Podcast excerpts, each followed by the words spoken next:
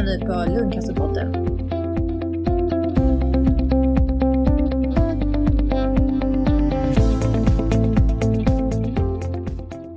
Har du känt skuld eller skam för att du har fått cancer? Är det viktigt att känna hopp för att få en bättre prognos?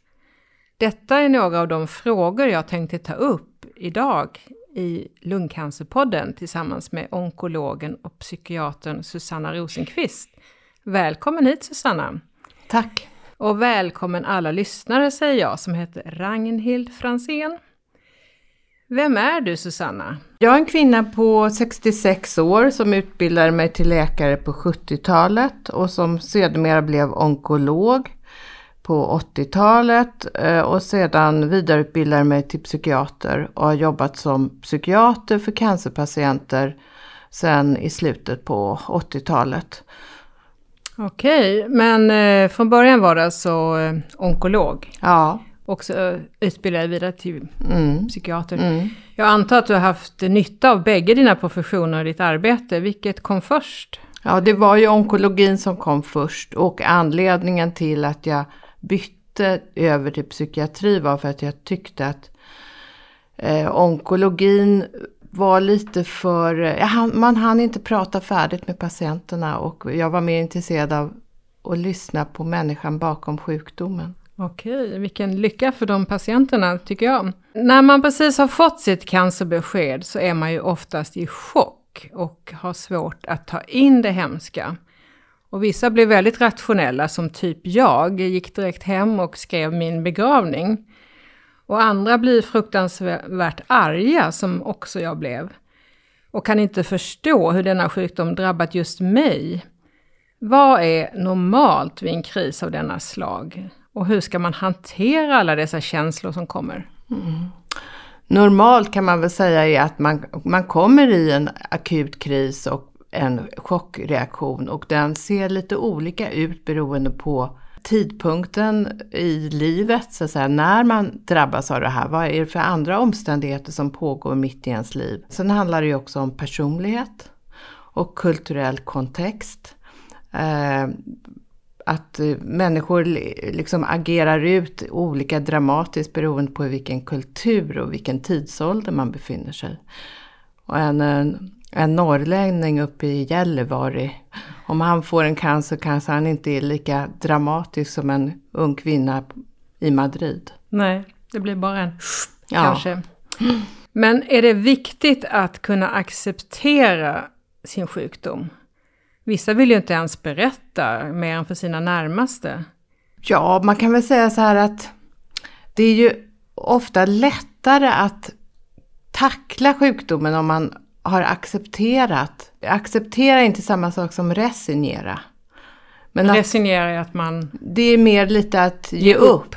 Ja. Eh, acceptera är lite mer att ge efter. Att ja, det här är verkligheten. Mm. Och om man, men, men det kan man ju göra utan att behöva prata med sin omgivning. Mm. Man kan ju ändå ha en insiktsfull och god relation med sin doktor och prata öppet om det här. Men det finns ju de som förnekar som absolut inte vill Ja. nämna ordet cancer. Ja. Och Vad händer då? Ja, så länge som man ändå går med på behandlingarna så är det inte farligt så att säga. Eh, Det är ju när en förnekelse är så kraftfull så att man inte ens vill eh, följa doktorns rekommendationer som det kan vara farligt så att säga. Mm. Sen är det ju ofta så med såna här försvarsmekanismer att de fluktuerar. Man kan vara förnekande stunder, Mm. man kan vara fullt accepterande andra stunder. Det är, inget, det är inget rigitt system utan det är väldigt dynamiskt. Just det, det är en växelverkan. Ja, Cancer är ju också väldigt tabubelagt och det är liksom stigmatiserat att säga att man har fått cancer. Varför är det så tror du? jo det har nog med historien att göra. Att, alltså cancer som hette kräfta förr i tiden, det var ju något man dog av. Eh, sen, har ju, sen har ju sjukvården och forskningen utvecklats och sjukdomen är ju inte dramatisk på samma sätt för alla. Och ja, men det finns ju andra sjukdomar som har lika allvarlig eller lika lite allvarlig beroende på vilket stadium man är i. Jag menar till exempel diabetes eller hjärt-kärlsjukdomar som kanske har samma typ av femårsöverlevnad fast det är inte stigmatiserat. För att, och oftast, man talar ju som du säger att när du, du, när du fick din diagnos så gick du hem och planerade din begravning. Mm. Det är ju sällan man gör man får reda på att man har diabetes. Nej. Fast kanske den sjukdomen är betydligt allvarligare för just den patienten. Men idag lever man ju då med en kronisk cancer kanske i många år och ja. ändå blir man liksom behandlad som att man är döende. Ja, det handlar väl om okunskap mm. hos eh, allmänheten. Precis, mm. där har vi mycket att göra. Mm. Och om man dessutom inte får en orsak till varför jag har fått cancer. Jag kanske till och med har levt jättesunt och jag har absolut inte rökt och ändå mm. får jag mm. lungcancer. Mm. Är det inte svårare då att acceptera? Jo, kanske. Men, ja, men det finns ju många rökare som inte får lungcancer och det finns många icke-rökare som får lungcancer. Och det kan naturligtvis vara svårt att acceptera en sjukdom som allmänheten tycker att ja, men har du fått lungcancer så beror det på att du har rökt för mycket. Mm. Så det handlar ju också om bristande kunskap. Mm. Vem som helst av oss kan ju få det. Jo, och livet är ju inte rättvist på något sätt. Nej, inte alls. Men den kris som kan följa på beskedet kan ju se väldigt olika ut som du sa. Mm. Men det finns ändå någon slags stadier som man mm. brukar gå igenom. Mm. Kan du beskriva dem? Ja, det är ju chock och reaktionsfas och bearbetningsfas och nyorienteringsfas. Men det bygger ju på att man får en sjukdom och sen så tuffar livet på rätt lugnt. Då hinner man liksom reagera och hinner bearbeta. Men många gånger och så småningom komma till någon sorts nyorientering när, när, när man är igenom sjukdomen. Men när man får en cancerdiagnos så kanske man hamnar i, i chock och sen så i en reaktionsfas. Man är arg och ledsen och orolig och rädd. Och sen ska, påbörjar man cytostatika och så sker det någon komplikation, man får sepsis. Ja men då hamnar man liksom, då halkar man tillbaka. Det är inte så att det är lugnt efter stormen. Nej. Utan det är, det är, många, ju, det är många blindskär på vägen. Och varje sånt där blindskär kan ju göra att man liksom halkar tillbaka. Mm. Men min erfarenhet är ju att de flesta patienter som får en cancerdiagnos, om, om de tar sig igenom de här behandlingarna och det går hyfsat bra. Och man har liksom en, en god kontakt med sjukvården och det följer ett mönster så brukar det liksom, det brukar ta något halvår, ett år eller två.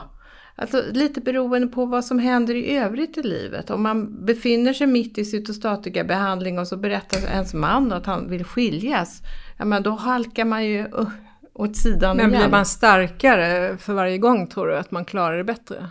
Ja, jag tror att om man, de flesta människor känner att man blir liksom, får mera tyngd i, i sitsen. Mm. Att man, man blir mer robust lika. av att ha klarat svårigheter i livet. Mm.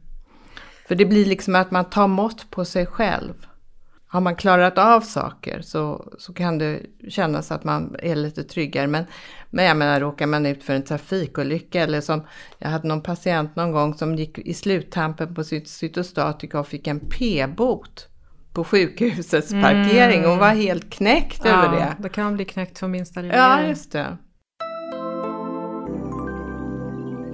Varför upplever olika människor en kris på olika sätt? Ja, dels är man ju olika rustad beroende på vad man har tagit sig igenom tidigare i livet. Om man inte har bearbetat klart en tidigare svår händelse så kan ju den reaktiveras. Eh, för att man är inte färdig med det. Ja, men det finns ju patienter som när de får sin cancerdiagnos pratar mest om förlusten av det barn som, man kanske, som kanske hade dött 15 år tidigare. Och att det ligger liksom högst upp på medvetande, det behöver man ta itu med först. Det triggar så, igång saker. Ja, är man inte färdig med vissa saker så, så är det det som blir väldigt aktuellt. Så det handlar om var i livet du drabbas. Så att säga, Mm. var i din arbets eller livssituation. Och det handlar om vad, vad har du för tidigare erfarenheter av kriser? Och vad har du för personlighet? Har du skillnad i ålder också? Det borde ha om man är ung och får till exempel lungcancer som... Det Ja. borde inte vara möjligt. Nej, det är klart att det som känns mer osannolikt kan, kan vara mer chockartat. Mm. Men jag har patienter som är eh, 85 år och får bröstcancer och så kan tycka att det är en fruktansvärd kränkning. Mm. Så att det är inte alltid åldersberoende. Vid en akut cancerdiagnos, då har jag hört att eh, självmordsrisken ökar. Ja, alltså man kan säga så här, vid en, i en akut kris när man får besked, även om det är en sjukdom som man har eh, haft en längre utredning kring, men när man får diagnosbesked, från diagnosbesked fram till återbesök, det, det glappet där, där föreligger en ökad självmordsrisk. Är det innan man har kunnat ställa frågor och man är så chockad? Och... Ja, så man känner kanske, alltså det, när man får beskedet så kommer man hem och så är det huvudet bara snurrar och man kommer knappt ihåg vad doktorn sa. Och man kanske bara kände att det var någon som sa att jag skulle dö snart. Alltså man har inte tagit in all informationen och man har kanske tolkat den överdrivet negativt. Om det då inte finns en kontaktsjuksköterska som man kan ringa, någon man kan prata med, utan man blir liksom helt övergiven i den där stunden, så finns det ju risk att man kan tycka att nej men det här livet vill jag inte leva. Jag, jag tar hellre mitt liv. Alltså, för det finns inget hopp. Nej. Utan det är när man känner hopplöshet och hjälplöshet. Det är ju de två faktorer som kan göra att man hamnar i en djup depression eller dramatiskt tar sitt liv. Men, men eh, alltså det finns en ökad risk, den är väl fördubblad. Men det är också hemskt att bli lämnad i en sån situation utan att få ett nummer ring den Ja. här personen så Men fort det- du kommer hem. Det är därför vi, man har försökt organisera vården så Mm. att det finns kontaktsjuksköterskor, det finns ett nummer att ringa. Mm. För att vi, vi vet att det behövs. Man behöver kunna liksom dagen efter ringa upp och säga, men gud vad var det han sa egentligen? Precis. Man kanske var ensam när man fick beskedet. ja, det är en sårbar tid fram till återbesöket. När man är färdigbehandlad, om man nu blir det, och borde känna sig glad som Mm. har blivit frisk, så uppstår ofta ett vakuum. Mm. Man kanske inte kan känna sig glad, Mm. Trots att man har överlevt sjukdomen. Varför? Ja, men då hamnar man ju ofta i en, i en sorts existentiell kris. Alltså, vad var det jag kämpade för? Hur såg mitt liv egentligen ut? Vad är ett gott liv? Hur, hur ska jag rikta in kompassen nu?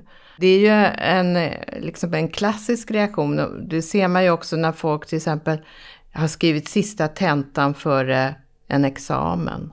Man har jobbat jättehårt för att ta examen. Och sen så går det några veckor efteråt. Och man vet liksom inte, jaha, vad ska jag göra med mitt liv nu då? Mm. Den tomhet som Ja, uppstår. ja, Ja, och andra känslor som kan komma är ju skuld och skam. ja. Kan du förklara varför många känner så? Alltså vi har väl en föreställning om att vi ska kunna ha någon sorts kontroll över våra liv och att om vi bara lever på ett visst sätt så kommer vi inte bli sjuka. Förr i tiden så hade vi ju liksom religionen att luta oss mot. Både bli arg på Gud och söka tröst hos Gud. Nu, nu ska vi var och en av oss vara var, vår e- liksom egen lyckas smed. Och media översköljer oss med information om hur vi ska leva för att inte bli sjuka. Och om vi då inte har gjort vår citat läxa, då blir vi sjuka. Och då kan man dels känna skuld för att Gud, jag som festade och rökte så mycket när jag var ung. Och det är ju, alltså det är ju en rimlig känsla. Skam, det är ju mera att jag är en dålig människa som har fått lungcancer. Det handlar om äh, vem jag är. Skam lägger man ofta på sig själv. Ja, just det är ingen det. annan. Nej. Nej. Skuld kan man ju lägga på andra. Det kan man ju lägga på sjukvården och barnen och jobbet och chefen. Mm. Där är det också lite könsskillnader att när kvinnor blir sjuka då skyller de ofta på sig själva. När män blir sjuka då skyller de ofta på chefen. ja, visst är det märkligt. Men skam är ju mer att man är en dålig människa som har fått cancer. Att man var ett dåligt exemplar redan från början. Ja, ja. Mm. Det var hemskt att man ska känna så. Vad finns det för hjälp att få om man inte kommer vidare? På de flesta onkologkliniker så finns det ju tillgång till kurator och samtalsstöd och terapiutbildade sjuksköterskor. Ja, man ska verkligen be om hjälp. Man ska inte klara det själv. Om man känner att man behöver det så tycker jag att man ska verkligen se till att man får den hjälp man behöver. Ja, Men när man väl har accepterat och börjar orientera sig i, i sjukdomen så kan det ju komma bakslag. Att eh, cancern kanske växer till på nya ställen eller det händer något i ens omgivning, att någon dör. Och I vår patientförening är det tyvärr så att det är väldigt många dödsfall. Och eh, hur hanterar man sådana bakslag? ja det blir ju liksom ett sorgarbete för de, alla de förluster man gör. Det är baksidan på patientföreningar med allvarliga sjukdomar. Att, det, att det, man kommer få uppleva, alltså de som inte dör, de kommer ju få uppleva många förluster. Jo, för man kommer varandra väldigt nära Ja. i en period i livet när man behöver stöd och gemenskap. Mm. Och så lär man känna varandra på väldigt kort tid och sen så är den personen borta. Mm. Man kan liksom inte fatta hur fort det kan gå. Mm. Men hur behåller man då lugnet och livsglädjen trots det som händer runt omkring? Byta perspektiv ibland. Se vad det är man faktiskt har. Att eh, liksom skilja på i glaset halvtomt eller halvfullt. Vad är det som faktiskt är bra i mitt liv och vilka relationer har jag? Och hur kan jag utveckla och värna dem? Ta hand om det Mm. positiva man har. Mm. Hur vanligt är det med sömnsvårigheter när man har cancer? Det är nog eh, ganska vanligt skulle jag vilja säga. Är det det Av här grubblandet eller vad är det? Ja, så de mediciner man får och biverkningar av det. Många patienter till exempel som eh, går på som eh, bröstcancerpatienter som går på eh, cellgifter och som går ganska dramatiskt då in i klimakteriet, alltså när östrogenet sjunker. Det försvårar ju också sömnen. Sen om man har om man har neuropatiska biverkningar med pirrningar i benen och sånt där som en del cytostatika kan ge. Då är ju det också en, en någonting som ger sömnstörning. Mycket störande moment. Har du Mm. några tips vad man kan göra för att sova bättre? Eller är det vanliga? Det var, ja, det är de här vanliga Mm. rutiner. Alltså rutiner vad gäller mat och motion och utevistelse. Och sen släcka ner sin dator och sin eh, telefon I tid. i tid. Och eh, släcka ner ljuset. Att man har levande ljus lite senare på kvällen. För att det- ljuset från alla de här lamporna stör ju så att säga melatoninet i hjärnan och det får vi ju, påverkas ju via näthinnan i ögat. Vad betyder egentligen coping i cancersammanhang? Coping, det handlar om, alltså coping det betyder tackla, hur man tacklar problem. Det är liksom till skillnad från försvarsreaktioner, försvarsmekanismer som förnekande och allt det vi pratar om.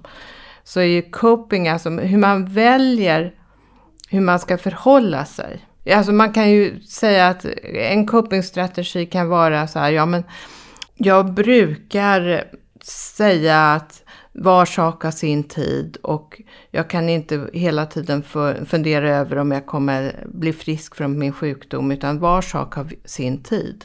Alltså att man har olika Strategier. inställning Ja. till sin situation. Det är väl något som glöms bort ofta, att man själv kan bestämma det. Ja, men det är det enda man kan bestämma. Försvarsmekanismerna kan man inte bestämma. Och man kan inte bestämma om man får cancer eller inte, eller och får återfall eller inte. Men man kan bestämma sig för hur man vill förhålla sig till den situation man, man är i. Mm. Det är det fria valet det- man har. Valet har jag. Hoppet är ju också det sista som överger människan. Är det viktigt att kunna känna hopp? Ja, det är det. Och det, det är oerhört viktigt att kunna känna hopp. Och, eh, men man måste också ha realistiskt hopp. Men om man då har en obotlig cancer, Mm. och vet att man inte kan bli frisk, Mm. ska man ändå känna hopp? Ja, ett realistiskt hopp. Alltså då menar jag så här, man släpper tanken på att man ska bli frisk. Det är inte det som är högst på agendan. Utan högst på agendan kanske är hur vill jag förvalta den här veckan? Vad skulle jag vilja göra imorgon om det inte regnar? Vem vill jag träffa och ha ett eh, innerligt samtal med? Mm. Idag kunde jag faktiskt gå två kilometer, det är fantastiskt. Visserligen är jag gammal maratonlöpare men med tanke på vad jag har varit med om så är ju det, jag, kanske kan gå, jag kanske kan gå två imorgon också. Ett litet snällare perspektiv. Att, Ja, ett kortare Ja. tidsperspektiv och eh, eh, alltså se, se det lilla. När man går ut och går och liksom ser löven på marken, hör vad fåglarna och kunna komma hem och känna att idag var en bra dag. det är det här med mindfulness. Ja, Men hur gör man om man nu inte är kapabel till att känna hopp? Hur gör man för att få mer hopp? då får man väl släppa den tanken ett tag. Att nej, jag kan inte tänka, jag kan inte känna hopp just nu. Men just nu ska jag steka pannkakor. Alltså man, man kan, behöver inte snöa in på att man måste känna hopp varje given sekund. Nej. Jag kanske kan känna hopp imorgon. Mm. Men bara för att jag känner mig hopplös idag behöver inte betyda att jag ska sluta med behandlingen eller ta livet av mig eller säga upp mig från jobbet eller göra slut med min man. Var sak har sin tid. Ja, Kan det inte ge skuldkänslor hos vissa också när man säger att man måste känna, tänka positivt hela tiden? Man får ju ofta de råden att bara man tänker positivt så håller man sig frisk och klarar sjukdomen. Måste man vara så himla glad hela Nej, tiden? absolut Nej. inte. Man får absolut vara ledsen och arg och eh, förbannad och eh, känna hopplöshet stundvis.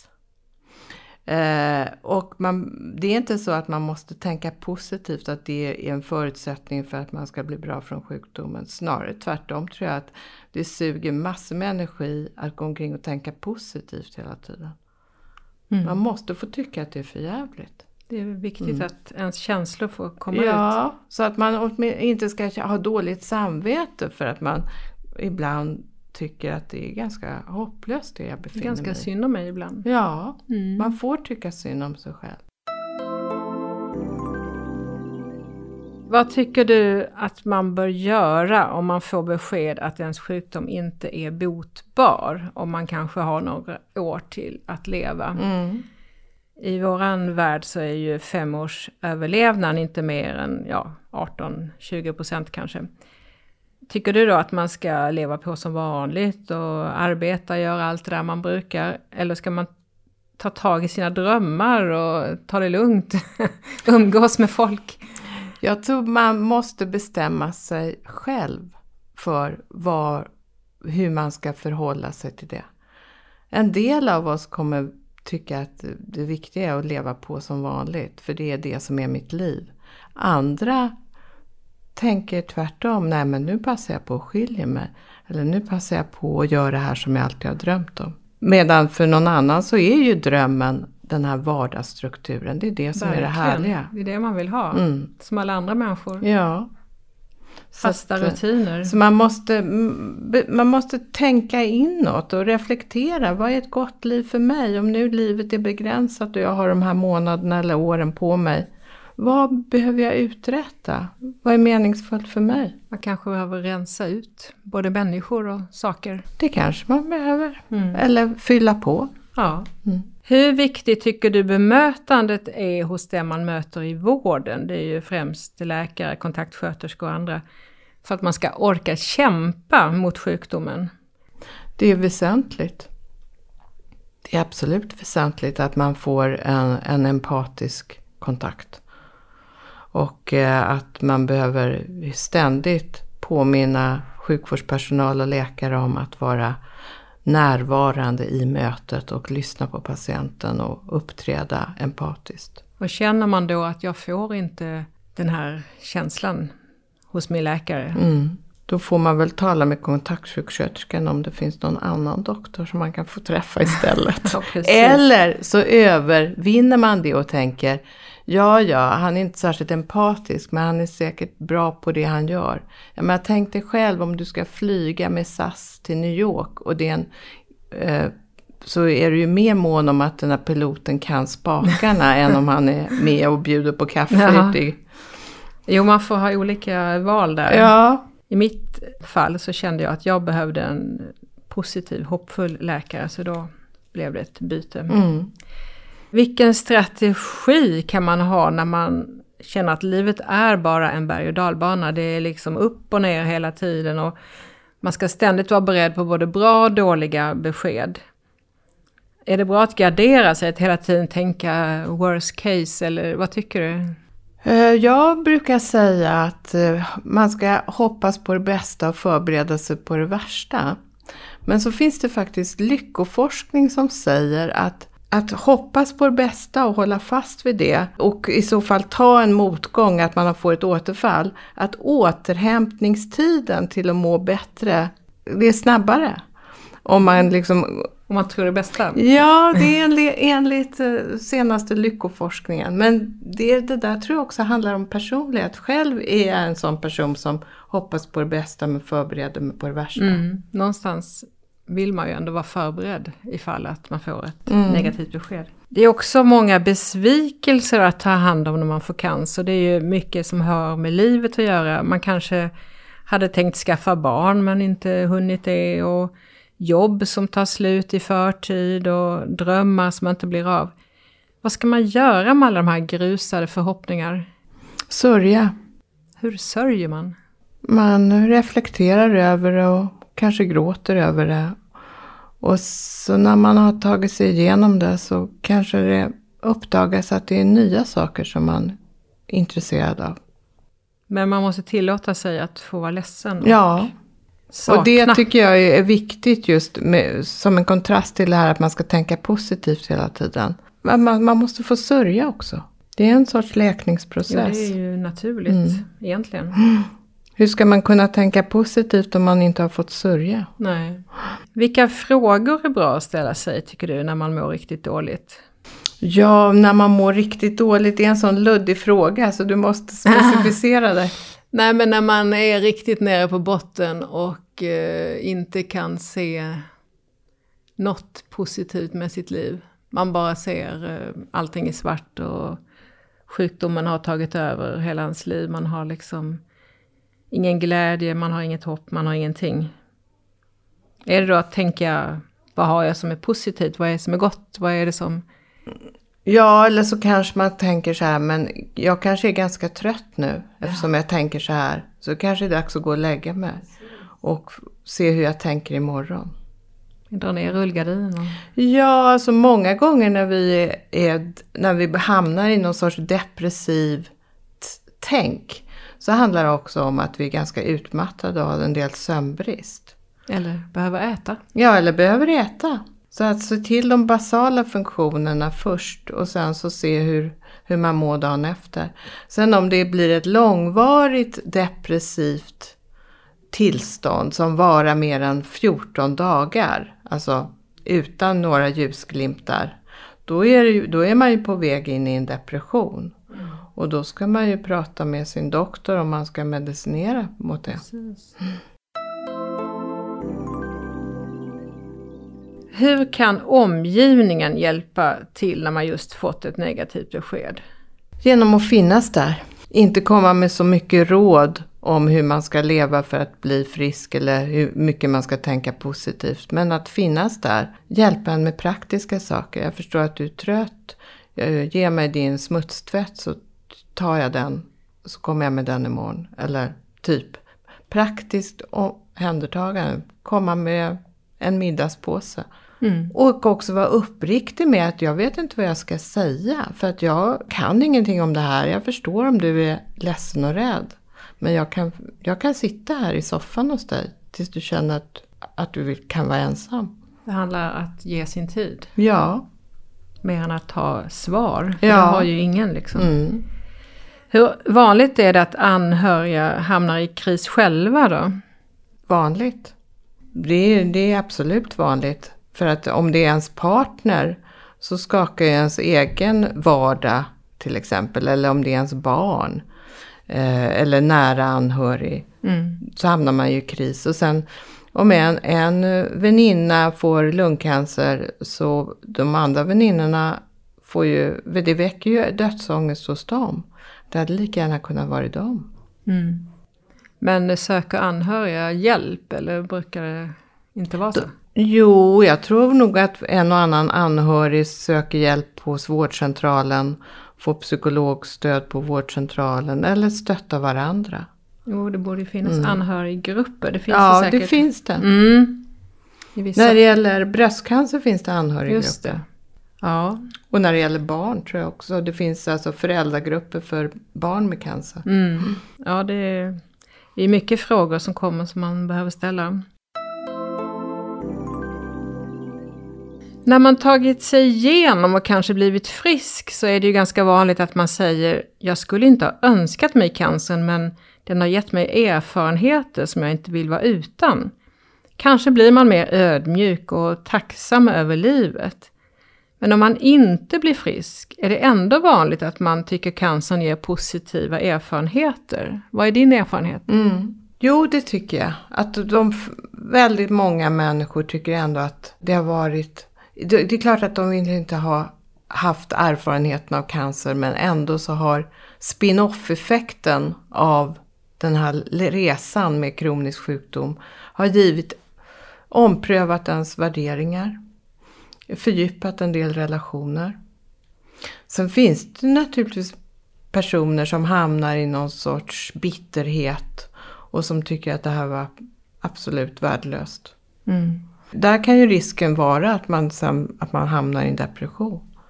Att man behöver mer stöd och mer, mer samtalsstöd och, och kanske medicin. Är det viktigt att ha en ram för sitt liv? Det kan ju gälla både att man eh, har en struktur men också att man känner en mening med livet.